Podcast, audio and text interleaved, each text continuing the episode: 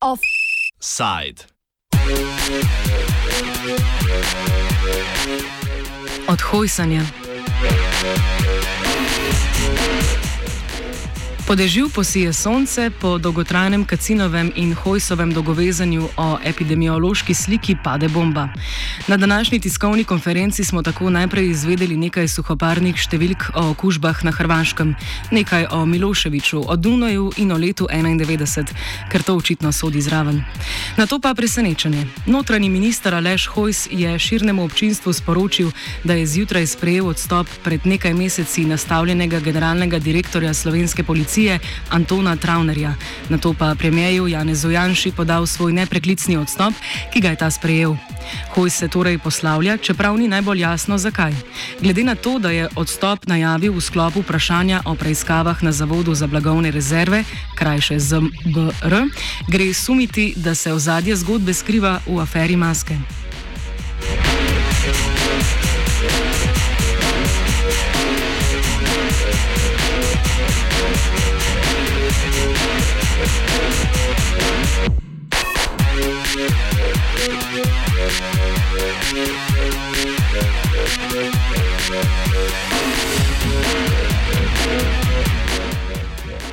Ker je ta politična odgovornost seveda na ministru, vas ne v tem trenutku obvestim, da sem pred dobro uro predsedniku vlade podal svoj odstop z mestra ministra za notranje zadeve, ob čemer naj povem, da sem približno ob 9 nič nič uri, torej malo zatem, ko je gospod uh, Senica torej, poleg mene obvestil o hišnih preiskavah nacionalnega preiskovalnega urada tudi direktorja, generalnega direktorja policije, gospoda Travnerja, ki je, kot sem rekel, na dopustu, prijel tudi odstopno izjavo gospoda Travnerja, torej okoli 9. zjutraj, zjutraj me je o svojem odstopu obvestil gospod Travner, generalni direktor policije in seveda vas v tej zvezi obveščam, da sem njegov odstop kot aktualni minister sprejel.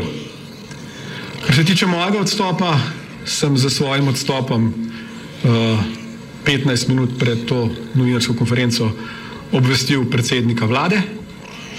Predsednik vlade je sprejel moj nepreklicni odstop, seveda pa bom delom ministra za notranje zadeve, tako kot sedaj, z polno angažiranostjo, z vso srčnostjo in v dobrobit vseh državljanov in državljank opravljal do trenutka, ko se bo z mojim odstopom seznanil državni zbor.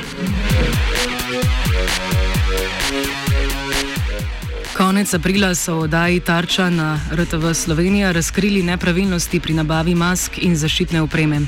V spredje je takrat stopil Ivan Gale, uslužbenec omenjenega zavoda, ki je ministru za gospodarstvo in razvoj zdravko počevalšku očital favoriziranje nekaterih ponudnikov in pritiske na zavod, naj sklene pogodbe s temi podjetji. Razkritja so brško ne služila kot katalizator za kolesarske proteste, ki potekajo vsak teden od začetka maja. Kot kaže, pa so jih resno vzeli tudi na nacionalnem preiskovalnem uradu, krajše NPU. Kljub temu, da je vlada zamenjala vodstvo NPU z razrešitvijo direktorja Darka Muženiča, čigar mesto je prevzel Igor Lamberger, trenutno politično vodstvo urada očitno nima pod nadzorom. NPU je namreč izvedel preiskavo na ZBR, po Hojsovih besedah pa naj bi tudi odzeli prostost počivalšku.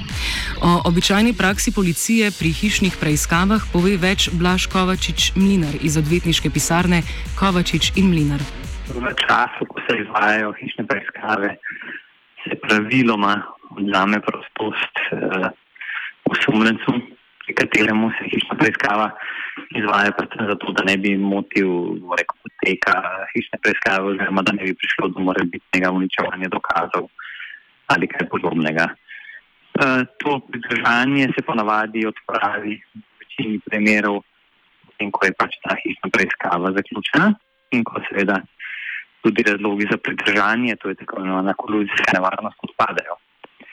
Če pa se policija oziroma državno tožilstvo odloči, da so ti pogoji podani tudi v nadaljevanju, pa mora skladati z določbami zakona o kazenskem postopku v 48 urah tega osumljenca pripeljati k preiskovalnemu sodniku, ki eh, lahko na predlog tožilstva potem odredi pripor. Se pravi, v predkazenskem postopku govorimo o pridržanju, to izvaja policija, največ 48 ur. Eh, v sodnem postopku pa govorimo na to o priporu, ki se lahko izvaja tudi daljše obdobje, eh, šest mesecev tekom preiskave in potem še dve leti po vložitvi obtožnice. Tako da v bistvu gre um, za razlike, rekel, kdo izvaja um, to, ta odzem prostosti in seveda uh, koliko časa lahko traja. Hojs opiše dogajanje današnjega jutra. Torej, če nadaljujem, sem ob 8.22 ali pa bi rekel tam nekje, tukaj pač žal ni točne ure, glede na to, da piše samo, koliko ur nazaj sem to obvestilo dobil. Dobil drugo obvestilo gospoda Senice, spoštovani minister, v vednost danes NPU izvaja hišne preiskave glede nabave zaščitne opreme v zvezi kazenske zadeve oškodovanja javnih sredstev. Hišne preiskave so pri več osebah, na več lokacijah, med drugim tudi pri varovanju osebi ministru MGRT. Lep pozdrav, Jože Senica. Torej, tako obvestilo sem dobil nekje okoli 8 ure zjutraj. Uro zatem pa sem dobil obvestilo ravno tako strani gospoda Jožeta Senica, namestnika direktorja. Obveščam vas, da je bila ministru MGRT za čas hišne preiskave strani NPU odzeta prostost. Lep pozdrav, Jože Senica.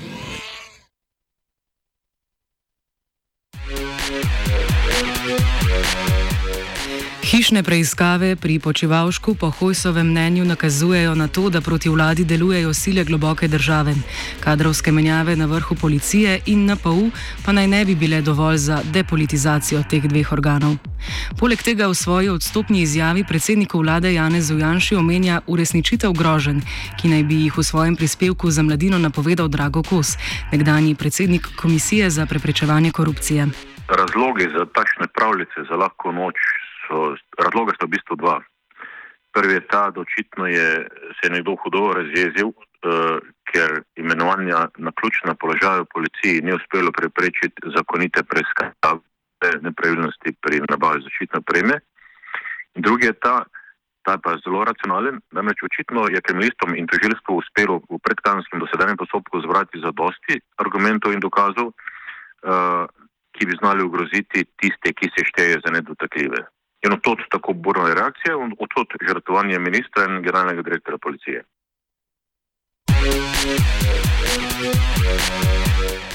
Mladinini grehi pa ne tičijo zgolj v objavi kosovega članka, temveč Hojs revij očita kar nadzor nad policijo.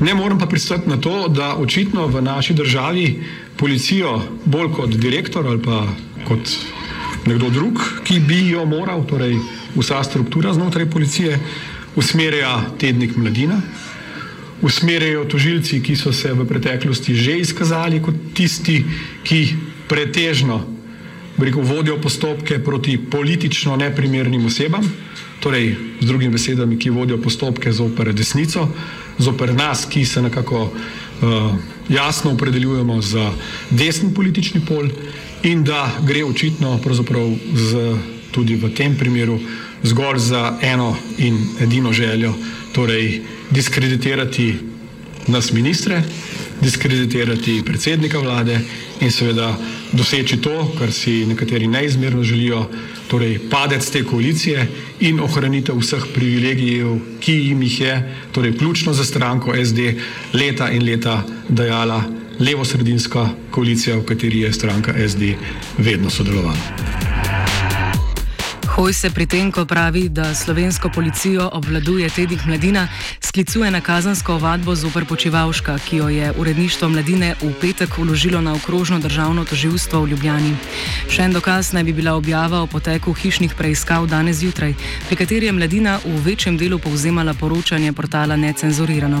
Komentira Gregor Repovš, urednik mladine.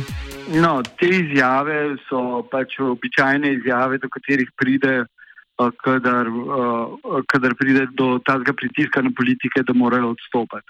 Potem pač obtožujejo vse, v bistvu kričijo in to je nekaj, na kar pač smo mediji navajeni.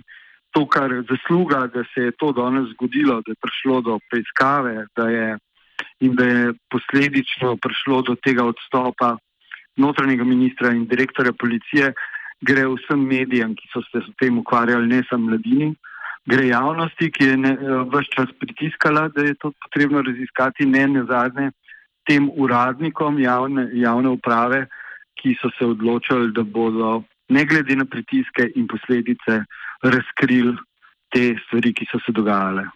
To poskusi, poskusi diskreditiranja medijev so sam navidezni. Tisto, kar dejansko poskušajo s svojimi izjavami uh, storiti, je diskreditirati policijo, kriminaliste in celotno preiskavo, ki jo vodijo tožilci.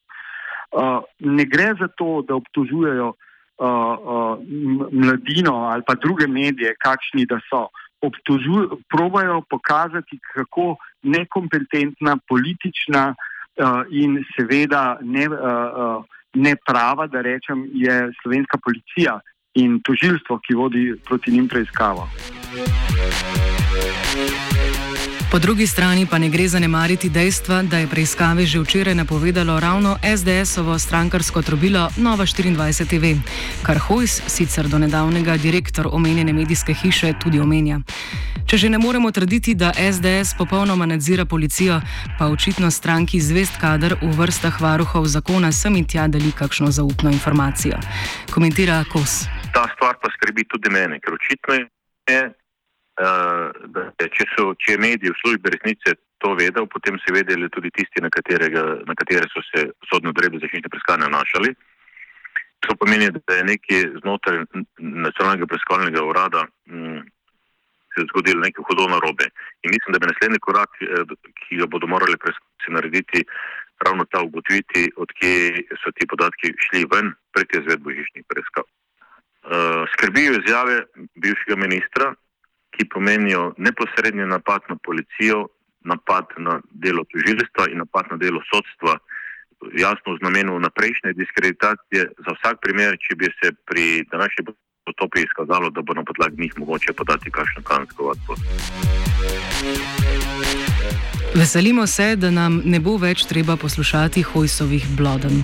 Gotovo pa tega ni vesel Janša, ki po odstopni izjavi sodeč s Hojsom goji tesne odnose. Slednjega namreč naziva sti, mogoče pa gre vendarle zgolj za napako, ki jih sicer v pismu kar margoli.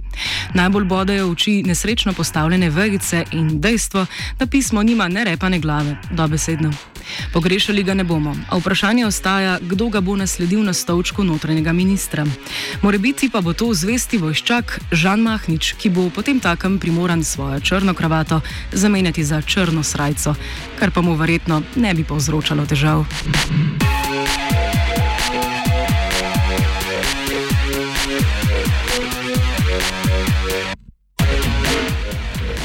Oduzem prostosti offsajdu je naročil vodja globoke države, Svetina.